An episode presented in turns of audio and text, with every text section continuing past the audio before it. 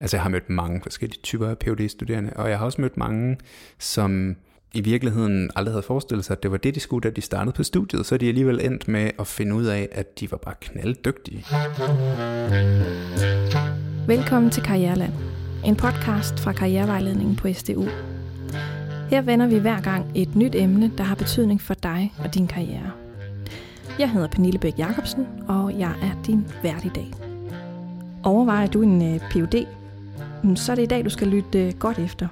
For jeg har taget turen herover til København, hvor jeg skal tale med Nils Glæsner. Han er konsulent hos uh, DM, Dansk Magisterforening. Velkommen i Karriereland, Nils. Tak skal du have. Vil du ikke uh, sige lidt om, hvad det er, du egentlig går og laver hos DM? Jamen, jeg har været konsulent i DM de sidste fire år, efter at jeg forsvarede min phd afhandling som jeg lavede på Syddansk Universitet. Mm. Nogle af de ting, jeg arbejder meget med i DM, det er især karriereudvikling, trivsel og organisering af forskere, så jeg arbejder meget med universitetsverdenen. Ja. Og jeg fokuserer rigtig meget på yngre forskere, altså det vil sige phd studerende postdocs og adjunkter, og deres vilkår, arbejdsliv og deres karriereudvikling. Og nu siger du selv, du har skrevet en, en PhD. Er det sådan, har det ligesom været din karrierevej, altså et studie og så en PhD, eller hvordan har din karrierevej været? Jamen, jeg har læst øh, idehistorie og filosofi, så jeg har en kandidat i filosofi fra KU, mm. og har studeret i Tyrkiet og England også under min kandidatuddannelse.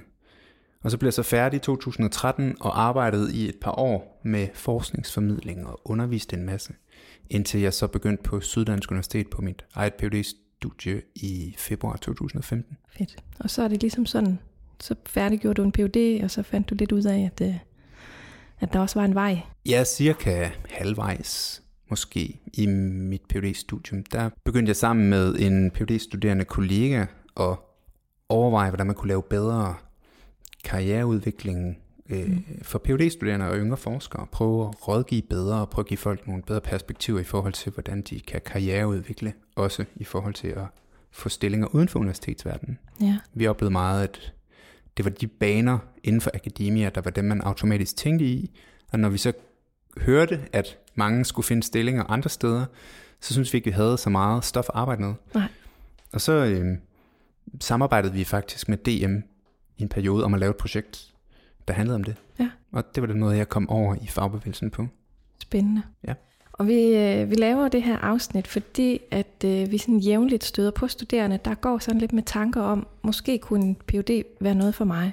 Nogle gange kan vi jo sådan hjælpe, andre gange så har vi jo også brug for øh, sådan folk udefra. Så du kommer også en gang imellem og besøger os på Syddansk Universitet og øh, sådan fortæller lidt om, øh, om nogle af de her ting her. Så i dag der skal vi prøve sådan at blive lidt øh, klogere på, hvad er det egentlig, det vil sige at være Ph.D., og hvilke veje er der der til, og hvad er det, man kan gøre, hvis man overvejer øh, en Ph.D. Mm-hmm. Men først så skal du have en påstand. Den hedder, Ph.D. er den vej, du skal gå, hvis du gerne vil bruge al din tid på at fordybe dig inden for et emne. Jamen, det er jo noget af en påstand. Mm. altså, til det vil jeg sige, at du skal have viljen til at fordybe dig i et emne, Ja. for at det giver mening for dig at tage en forskeruddannelse. Blive phd studerende Ja. Men du skal også give en masse andre ting. Du skal give det sociale element at lave videnskab, altså være på en arbejdsplads, et universitet, deltage i et bredere videnskabeligt fællesskab. Du skal give studerende og kommunikation og formidling af undervisning. Og så skal du for mange vedkommende også give at tænke i, hvad dine forskningsresultater kan bruges til, ja. også i en bredere kontekst. Det kan i hvert fald være en styrke. Så der er jo mange flere ting, som man måske ikke lige umiddelbart har fået øje på, når man bare tænker, det kunne være spændende at lave ja, beskæftige sig med et emne, måske inden for en PhD. Altså jeg vil sige, hvis ikke du har det der grundlæggende drive mod at grave dig rigtig dybt ned i et eller andet emne og kigge på det fra alle mulige tænkelige vinkler, så er det nok ikke for dig, men det er ikke det eneste, mm. du skal lave. Der, skal også, der er også andre ting, du kan lave og lære, og det er rigtig godt, at øh, de PhD-studerende lærer en masse forskellige ting og får forskellige færdigheder ud af deres forskeruddannelse. Hvis nu vi sådan skulle prøve at gå sådan øh, helt lavpraktisk til værks, hvordan, øh, hvordan ser en hverdag ud som PhD, hvis man kan sige noget sådan lidt generelt om det? Det varierer jo selvfølgelig. Altså, øh, der er jo stor forskel på, om du er ude i felten, øh, ude at lave observationer et eller andet sted i et andet land, i en anden kultur, hvor du skal være til stede og prøve at sætte dig ind i hvad, en ny kontekst, som du så beskriver, eller om du sidder foran din computer og prøver at knække et eller andet stykke kode og prøver at finde ud af, hvordan hænger en eller anden problemstilling sammen. Øhm, mm. Eller om du står i et laboratorium øh, og skal køre en række eksperimenter, designe nye eksperimenter, få nye idéer, få dem ført ud i livet igennem noget teknologi, der er til rådighed.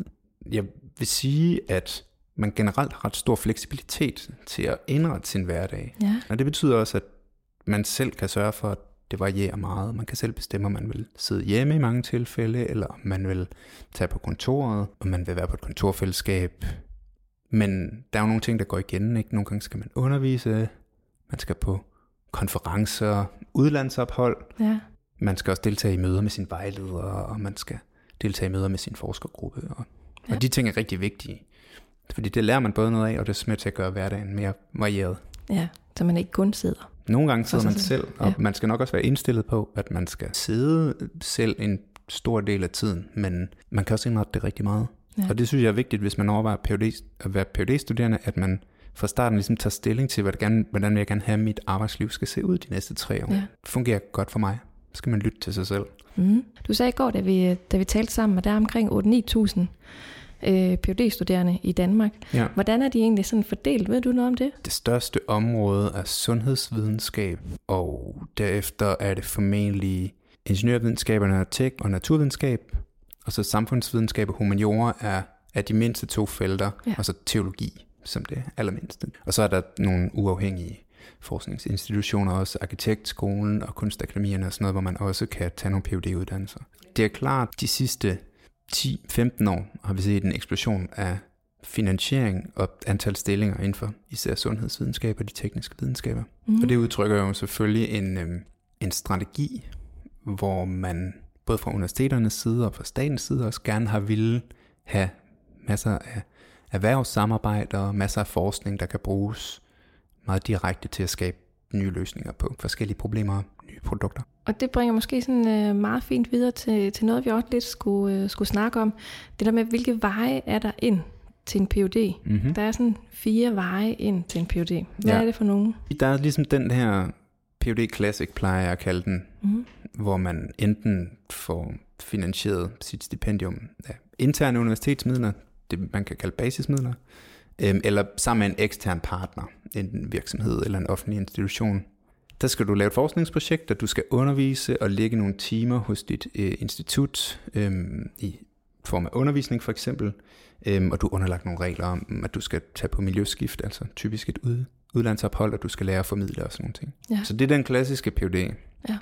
Og den foregår typisk ved, at man har en kandidatuddannelse, og så tager tre års uddannelse. Ja. Den kan også foregå ved, at man tager tre års bachelor, et års kandidatuddannelse, og så begynder på phd studiet allerede på det sidste år af en kandidatuddannelse, og så derefter tager tre år. Ja.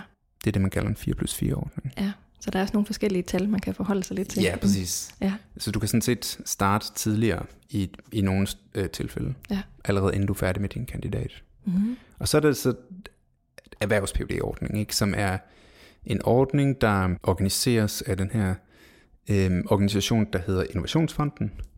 Og de, laver, de sørger for at understøtte forskningsuddannelse i samarbejde med virksomheder. Ja.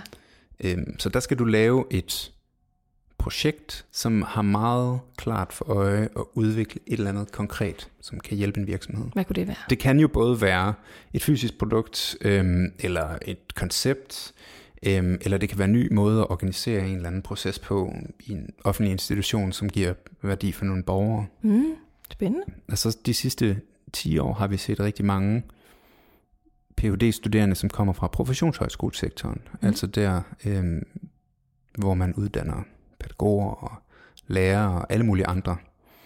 Og mange af de undervisere, der har været ansat der, et relativt højt antal, har været igennem PhD-uddannelser de sidste 10 år. Og hvorfor de har det? Mm, det var resultatet af nogle strategier, man havde i slutnullerne og starttierne om, at de her uddannelser skulle vidensbaseres mere, og at uddannelsesinstitutioner også skulle kunne søge forskningsmidler ja. og lave forskningsbaseret uddannelse og, og udvikling. Og det var sådan, mit eget phd stipendium var, ja. var finansieret. Det var i samarbejde med en professionshøjskole. Okay. Og det synes jeg var fedt. Altså, Ja. Øh, Det gjorde, at jeg mødte en masse folk, som var sådan fra en anden type uddannelsesinstitutioner, end det universitetsmiljø, som jeg kendte Ja.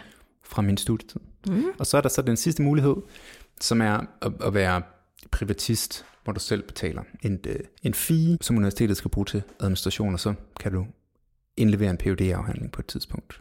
Okay. Øhm, og det er ikke en metode, vi ser så tit. Nej, det kunne jeg godt forestille mig. Det er alligevel en bekostelig affære, tænker jeg. Det kan det være, Ja. Og man skal være meget driver. Men, men det sker. Ja. Bare ikke så ofte.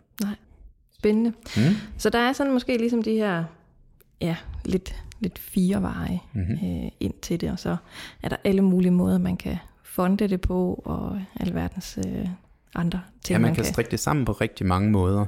Man skal bare ind omkring en phd skole man skal have en vejleder, man skal leve, leve op til en række regler i phd bekendtgørelsen for, hvordan uddannelsesforløbet skal se ud. Ja. Hvordan produktet skal være. Du skal for eksempel, ja, som nævnt, have en vejleder, der er en anerkendt forsker inden for dit felt, det står i loven. Ja. Øhm, så ja. Så det kræver ligesom, at der er nogen, der ved noget om området før en. Ja, men altså, jeg tror også, der er mange phd studerende der har en oplevelse af, at de har en vejleder, der ved noget om området, men har et andet speciale felt, end lige det, de skal forske i. Og så kommer man måske på samme vidensniveau som vejlederen lige i forhold til det her lille bitte område, man selv forsker i. Og Ja. så skal vejlederen så hjælpe lidt mere med nogle andre ting, der handler måske lidt mere om processen, og om at nå i mål, og Ja. få lavet det rigtige produkt, vurdere, hvornår det Ja. er den gode kvalitet, og sådan noget. Hvornår træffer man de rigtige valg.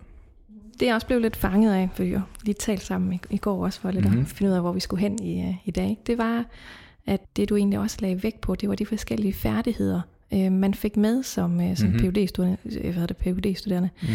Vi talte sådan lidt om, øh, hvilke fremtidsmuligheder der var. Mm-hmm. Men du især lagde vægt på de øh, færdigheder, man fik med øh, som Ja. PhD-studerende. Vil du ikke prøve at sige lidt om det? Formelt set, så bliver man jo kvalificeret til at varetage en række stillinger i universitetsverdenen og tilsvarende forskningsinstitutioner, som jo findes uden for universitetsverdenen også. Typisk i overvejende grad nu til dags er det et krav for, at du kan blive adjunkt og blive lektor, øhm, at du har taget en PhD. Ja. Øh, så der, er- der er noget formelt der, ikke også? Der er ligesom en sektor i arbejdsmarkedet, hvor der er det adgangskravet. Og så bliver du også reelt, kan man måske sige, kvalificeret til nogle stillinger uden for universitetsverdenen i store virksomheder, som er meget forskningstunge.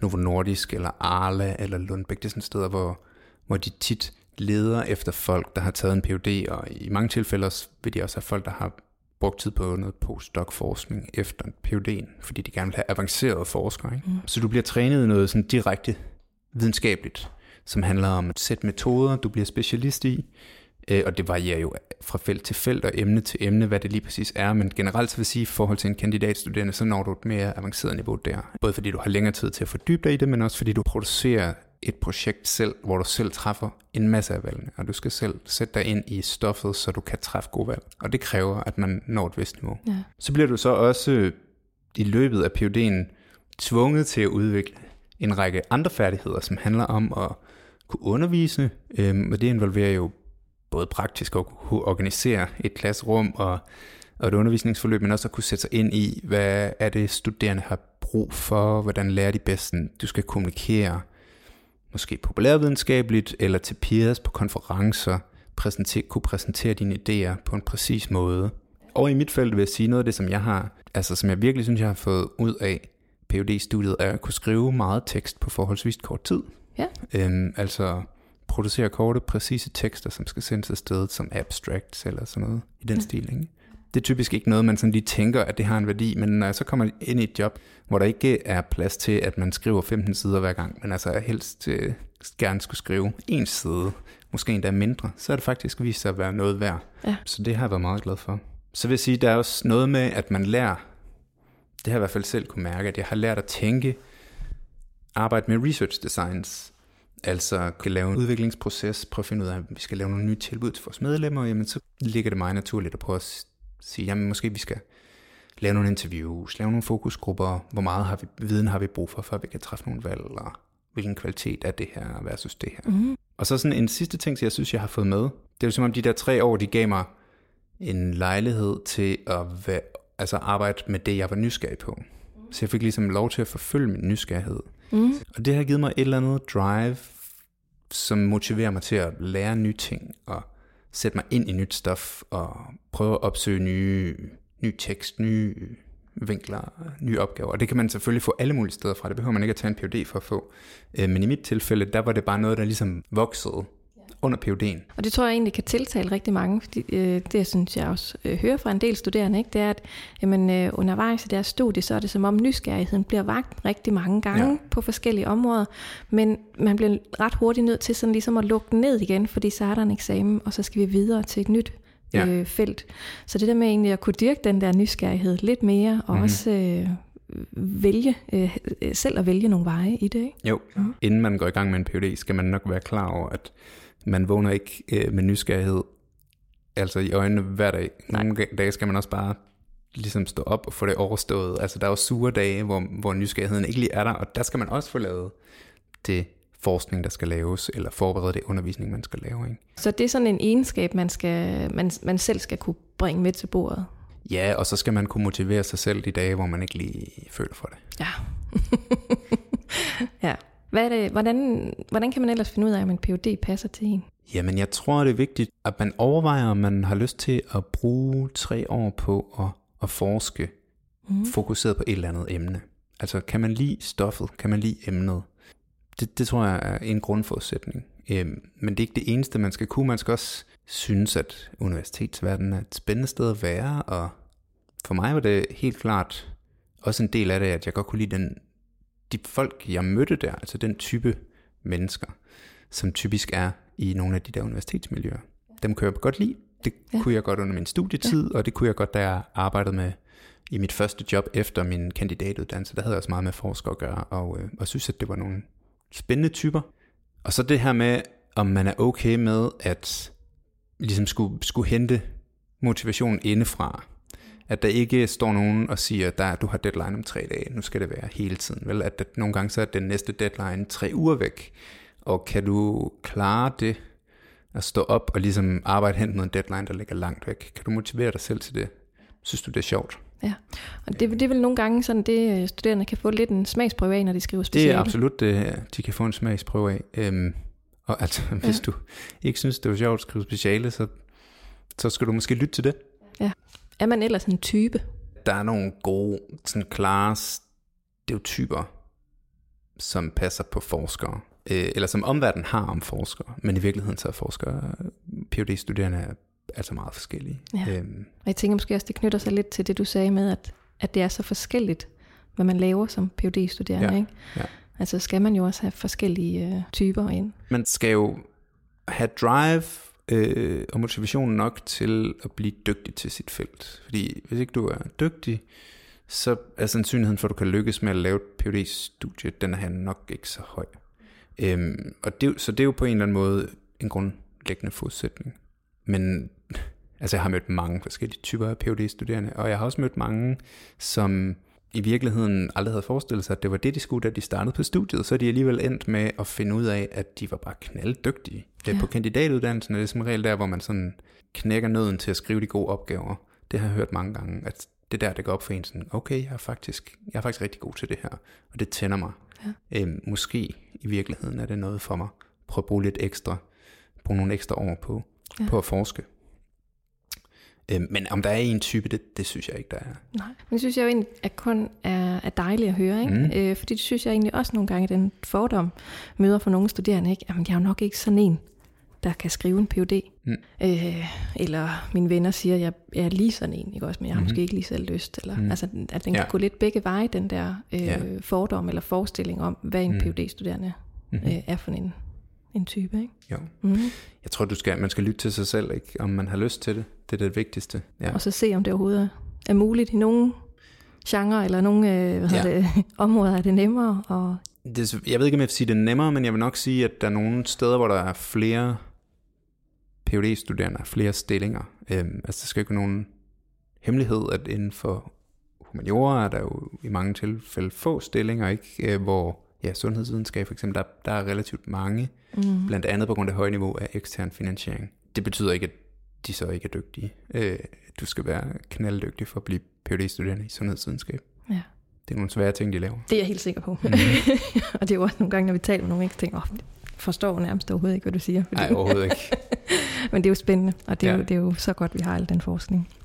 Jeg synes, vi skal bevæge os en lille smule over til, hvad det så er, man kan begynde at gøre, hvis man sådan undervejs i sit mm-hmm. studie begynder at tænke, hmm, måske kunne det her være en god idé? Mm-hmm. Hvordan er det, man kan få skabt en god, stærk profil, så man stiller sig selv godt mm-hmm. til at mhm. kunne søge en PhD? Det er der jo mange bud på, men jeg vil sige, at du skal blive dygtig til dit fag. Ja. Og, øh, og det handler ikke kun om at få gode karakterer, det handler måske også om at føle, at du får nye idéer, og synes, at det er fedt at udvikle nye projekter inden for dit fag. Ikke? Ja.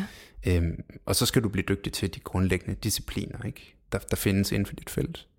Sådan en metode. Ja, præcis. Mm. Og så skal du finde ud af, hvad er det, jeg godt kan lide at lave inden for mit felt. Ja. Øh, altså, der er jo alle mulige... Nu var mit eget phd projekt inden for uddannelsesforskning, der er jo alle mulige undergenre, ikke? Så du skal ligesom prøve at finde ud af, hvad er det, jeg gerne vil bidrage øh, til at prøve at arbejde videre med. Så tror jeg, at det næste er at prøve at finde ud af, hvordan man laver nogle ekstra aktiviteter af en art, som gør, at man får prøvet forskningen af. Mm. Altså du kan lave de ekstra, hvis du har skrevet gode opgaver, kan du måske skrive dem om til tekster, artikler, som kan prøve at blive udgivet, eller du kan tage nogle af dine øh, fedeste opgaver og prøve at se, om du kan tage dem med på konferencer. Altså jeg tog min bacheloropgave med på en sociologikonference, øh, og jeg havde det, jeg var simpelthen så nervøs, men det, det gik okay, og opgaven var sjov at skrive, og jeg kunne godt lide den, og det gik fint nok det har nok været en rimelig kedelig præsentation for, for tilhørende, men for mig var det sådan et stort skridt at prøve god. det der forskningsliv af. Øh, og det var allerede som bachelorstuderende. Ikke? Ja. Hvordan finder man lige ud af, hvor der er mulighed for det? Jeg var frivillig og var med til at arrangere den her konference, der ja. skulle foregå på Aarhus Universitet, og de havde brug for nogen til at stå og uddele navneskilte og så holdt jeg mig bare til, og da der så var en af de lektorer, der sådan stod for det faglige, der sagde, men så kan man jo også, hvis man har lyst, kan man jo deltage med en præsentation. Så er jeg sådan, jamen det vil jeg gerne. Ja. det, det vidste jeg, at jeg, jeg skulle prøve, selvom jeg var ret nervøs for ja, det. Så det er også noget med at gribe de der muligheder, der lidt opstår. Ja, det er noget, for mit vedkommende har det handlet om at være opsøgende. Ikke? Ja. Og så vil der i mange tilfælde også være mulighed for at skrive altså øh, speciale på forskningsprojekter, der bliver lavet på dit institut. Ja. Øh, og det kræver også, at man er opsøgende at man prøver at følge med i, hvad sker der på instituttet, øh, hvilke forskere har fået bevillinger, hvem leder efter nogle forskningsassistenter eller nogle speciale studerende. Ja. Øh, som man samarbejder med, med etablerede forskere allerede fra før PhD'en. Det, det kan sagtens lade sig gøre. Er det også fordi, at, at der er noget med netværk, der er en, øh, en god idé? Altså betyder det noget, at der er nogen, der kender en, og man også kender? Ja, det betyder i hvert fald to ting. Ja. Altså det betyder, at man får det rigtige information. Øhm, du får nogen til at fortælle dig om forskerlivet. Du får også nogen til at vurdere, om du og det, du laver, er på det rigtige niveau. Det ja. kan du få allerede tidligt, og den information kan man jo få ved, at man har netværket med nogle af forskerne på det institut, man er på. Ja. Så er der også noget der konkret, der handler om, at hvis der er nogen, der har et godt øje til dig, fordi de har kigget på dig og tænkt sådan, okay, han eller hun er altså en skarp studerende. De får nogle gode karakterer, de har nogle gode idéer, de sørger for, de ser ud til at have de, de rette, sådan, hvad lavet det rette, rette stof. Så kan det jo være, at de ligesom prikker dig på skulderen og siger, at vi har søgt de her penge, det her store grant, og der skal være tre stipendier, phd stipendier som en del af det. Hvis vi får pengene, kunne du så tænke dig at være den ene af dem fra ja. efterårssemesteret, ikke? Jo. Øhm, ja, det var blandt andet sådan, jeg selv blev kontaktet og opfordret til at søge, og så skulle jeg selvfølgelig søge, altså kon- konkurrence med alle mulige andre, men jeg blev ligesom prikket okay. og sådan, hvad er det ikke en, kunne det ikke være noget for dig det her? Så det er jo faktisk en af de muligheder, som, øh, som netværk især kan give i den her del af branchen. Jeg brugte også mit netværk til at sende min, altså jeg skrev artikler, inden jeg blev phd studerende og mange af dem, den sendte jeg jo forbi forskere i mit netværk, og sagde, hvad synes du om det her? Og så fik jeg ligesom feedback, og det brugte jeg til at blive skarpere. Er det kun forskere, man skal netværke med? Eller, altså... altså i forhold til at blive phd studerende så kan man jo også godt forestille sig, at det er en god idé at have et netværk. Hvis nu, nu gerne vil forske, hvordan man laver god pædagoguddannelse for eksempel, ikke? Mm. så kan det nok være en god idé at have et netværk ude blandt praktikere. Ja, ikke? Jo. Så på den måde, der er især praksisforskning, som sådan foregår ude i institutioner, kan i den grad blive styrket af, at man har personlige relationer ude på, ja, enten på professionshøjskolerne eller ude på skoler, ja, som ja. eksempel. Ikke? Så man kan godt se det sådan lidt bredere, ikke også nogle gange, at men der er en ting, der måske sådan kan øh, køre helt øh, altså kan give en nogle muligheder, øh, netværkform. Mm-hmm. Og så er der et andet form for netværk, der måske kan give en øh, noget vidensgrundlag øh, ja. til at arbejde videre ud fra. Helt sikkert. Ja. Altså jeg plejer klart at sige, at folk, der måske, ligesom jeg selv, ikke går direkte fra kandidaten over i en PhD, men måske har en to-tre år ude i praksis, hvor de har en stilling som akademiker et eller andet sted i en forvaltning for eksempel, eller i en privat virksomhed, men de skal i den grad prøve at overveje, om ikke de kan bruge det netværk, de får ud af det arbejde, til at informere ja. deres forskning. Både til at forstå,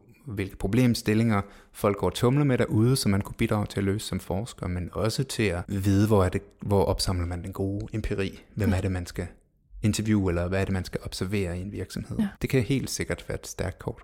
Nå, men er der andet, man sådan kan gøre for det der med at få lavet den stærke profil? Der var noget med at blive, blive dygtig mm-hmm. til sit fag. Der var også noget med at få skabt et netværk og få skabt et, et vidensgrundlag. Sørge mm-hmm. for at få lavet nogle forskellige aktiviteter. Altså i mit tilfælde var det ret klart, at de lagde vægt på, at jeg havde skrevet nogle artikler, og at jeg så havde prøvet at undervise. Ja. Øh, og så tror jeg også bare, at det har noget at gøre med, at altså man skal ligesom vise, at man vil du har klaret dig godt til en eksamen, du har fulgt et stort fag på dit studie, så kan du godt tale med underviseren og sige, sådan, det her, det synes jeg, det er rigtig spændende. Altså, jeg kunne godt, især efter bacheloren, eller kandidaten, ikke, som er de store, sådan lidt mere selvstændige projekter på ja. mange studier, så kan man godt sige, at det her er noget, der er perspektiv i. Det felt, jeg har arbejdet med her, er det et, der udvikler sig. At, hvordan kan jeg være med til at bidrage? Ja. Øhm, kommer der for eksempel en PhD-studie? Så. Stipendium er. Meget gerne også sige det højt. Man må meget gerne sige det højt, ja. ja. Og jeg tror måske, måske man godt lidt kan gå og putte lidt med det, fordi der er noget jantelov, ikke? Ja. Og det, det behøver man ikke. Det er jo i hvert fald, at øh, hvis man siger det højt, så er der jo en mulighed for, at, øh, at folk faktisk gerne vil, vil hjælpe en. Ja, ja, præcis. Jeg ved det i hvert fald ikke, hvis folk nej. ikke siger det. Nej, nej, nej. Mm. Så øh, det kan også være en måde at, at vise, at man er ambitiøs og målrettet på. Ikke? Og det kan, øh, det kan ældre forskere jo ofte godt lide. Ja de satser jo også en del af deres tid, når de vælger at vælge en kandidat til et phd stipendiat frem for et andet, ikke? Jo. Så skal de ligesom kunne se, at det er en person, der har de rette mål. Godt. Jeg synes, vi har været sådan rimelig godt omkring øh, Niels på nogle forskellige områder. Mm. Hvis nu vi sådan skulle prøve at samle sådan lidt det hele op på tre gode råd til studerende, der godt kunne tænke sig at skærpe deres profil, så få en mm. PhD. Altså, hvad er det ligesom, de skal gøre? Lad os prøve okay. at samle lidt op. Jamen altså, jeg plejer at sige, at du skal prøve at orientere dig i, hvad der foregår på dit institut. Mm. Øh, hvem får penge, hvilke yngre forskere eller ældre forskere er der gang i. Øhm, og så prøve at, at se, om du kan lave noget, der passer ind i deres dagsorden. Ja. Så orienter dig i, hvad der foregår på dit institut og inden for dit felt generelt. Ja, øhm, det er råd nummer et. Ja, det er råd nummer et. Mm. Råd nummer to. Hvis man er i sådan et felt, som jeg var i, så kan du bruge din tid på at skrive dine opgaver om til artikler, for eksempel. Du kan prøve at undervise du kan opsøge forskningsassistentstillinger, undervisningsassistentstillinger, så du ligesom kommer ind i et miljø. Hvem, hvem vil egentlig udgive de der artikler der? Jamen Hvad skal man det, gøre med sådan jeg artikler? Jeg har udgivet i studentertidsskrifter primært. Øhm, så var jeg i praktik på en forskningsinstitution, hvor jeg udgav en rapport. Ja. Så prøv at få skrevet noget, og prøve at, at, at lære nogle af de der ting. Mm. Og nu siger du også undervise. Gælder det også at være folkeskolevikar? Jeg vil nok sige, at du skal prøve at undervise folk, som er i den gruppe, der ligner studerende. Ikke? Ja. Altså, mm. hvis du er studerende, vil jeg nok sige, prøv at, at gå efter at, øh, at blive undervisningsassistent på dit institut, hvis det, eller instruktor. Ikke? Ja. Mm. Det er typisk øh, også, da du får mulighed for altså, at tale med underviserne. De spørger måske til, om du har overvejet at arbejde videre i den retning, blive PhD. Mm. Og det sidste, det handler så om at mærke efter nede i maven, om du virkelig synes, det, det er det, du vil. Ja. Fordi der, du kan lave alle mulige fede ting når du er færdig med dit studie. Et phd studie er bare en mulighed. Så overvej om de ting, du får ud af et phd studie øh, altså du bliver stærk på metoder, du lærer noget formidling, du får et akademisk netværk, du lærer at arbejde selvstændigt med projekter. Om, om det er i universitetssammenhæng, du gerne vil lære det, eller du er bedre tjent med at komme ud og arbejde som akademiker i en virksomhed, eller i en forvaltning, eller alle mulige andre steder. Fordi der kan du også lære en masse ting. PhD-vejen er bare en vej. Det synes jeg egentlig er nogle, øh, nogle god gode råd sådan at, at slutte af på. Altså mm-hmm. orientere dig om, hvad der sker på dit institut. Mm-hmm. Øh, hvad der sker med det forskning og, og de ting, der er der. Mm-hmm. Og så prøv at få formidlet din viden, altså skrive artikler, se om du kan få dem udgivet, altså for også at få, få trænet det og få øvet det, ikke? Mm-hmm. Øh, eller undervise, mm-hmm. øh, prøve nogle af de der ting af, og så ja. mærke efter. Mm. Og så måske vil jeg godt gentage det, du også lige sagde før, altså råd nummer fire, sig det højt. Ja, ja, ja, ja. ja. ja. Man må gerne starte med at sige det højt til hvad hedder det, en, en, ens forsker. Man må også godt gå til en øh, studievejledning, en karrierevejledning. Man kan mm. sikkert også gå til, til jeres DM, og sådan ligesom mm. få, få afprøvet lidt, ikke også? Øh, spillet ja. bold op af nogen af det her overhovedet. Noget, jeg tør at sige højt til andre, ikke? Helt sikkert. Altså, vi, vi giver meget rådgivning til studerende, der overvejer det her. Mm. Øhm, så, så det er helt sikkert noget, man kan finde både hos os og på universiteterne. Men ja. jeg tror, at den bedste sparring får man nok hos forskere og undervisere. Mm. Der er ikke noget galt med at sige, jeg kan godt tænke mig at være phd studerende jeg synes, det lyder spændende. Hvordan ser mulighederne ud her ja. de næste par år? Jeg er færdig om to år. Fedt. Men jeg synes egentlig, det er et øh, kendetegn, der sådan, øh, er bredt ud i arbejdslivet. Altså hvis man siger højt, jeg synes, det her område er mm-hmm. spændende. Øh, hvad er mulighederne for at kunne komme til at arbejde med det her? Ikke? Ja. Jamen så vil de andre jo egentlig meget gerne hjælpe en. Klart. Øh, men det er jo nogle gange det der med lige at ture og lige få, øh, få modet i, i maven, der, øh, der lige skal overvindes. Ja, helt sikkert. Og så skal man også være seriøs omkring det, tror jeg. Altså mm. fordi forskere arbejder meget, og har, de har enormt travlt, og de skal også, som jeg sagde før, satse deres tid og energi på ja. at spotte nogle talenter en gang imellem. Ja, spændende. Godt. Jamen Niels, øh, har du mere, du gerne vil sige her på falderæbet? Eller? Nej, jeg tror, vi har været igennem hele, hele baduljen her. Det tænker jeg egentlig også. Jeg synes, vi har været godt omkring det hele. Hvis du er blevet mere nysgerrig på det her med PUD, så øh, opsøg noget viden. Opsøg din, øh, din hvad hedder det, underviser, gå til, til os i karrierevejledning. Vi vil også meget gerne hjælpe med enten at formidle noget kontakt til nogen, der ved noget mere, eller hvad det er, du ligesom kan, kan gøre som næste skridt. Og ellers så har jeg også lige en lille trang til at også lige anbefale vores øh, afsnit nummer 3, som handler om at få lidt mod, øh, mm-hmm. få lidt handlemod. Øh, så hvis man går og måske har lyst til at sige noget af det her højt, men lige mangler det sidste skub, så lytter man lige afsnit 3, og så går man over til sin underviser og siger det. Men tak fordi du kom, Nils. Det var så lidt. Tak eller, for invitationen. Eller, jamen, jeg skulle til, ja, tak fordi jeg måtte komme her. Selvfølgelig. øhm, ja, og tak for dig, der lyttede med.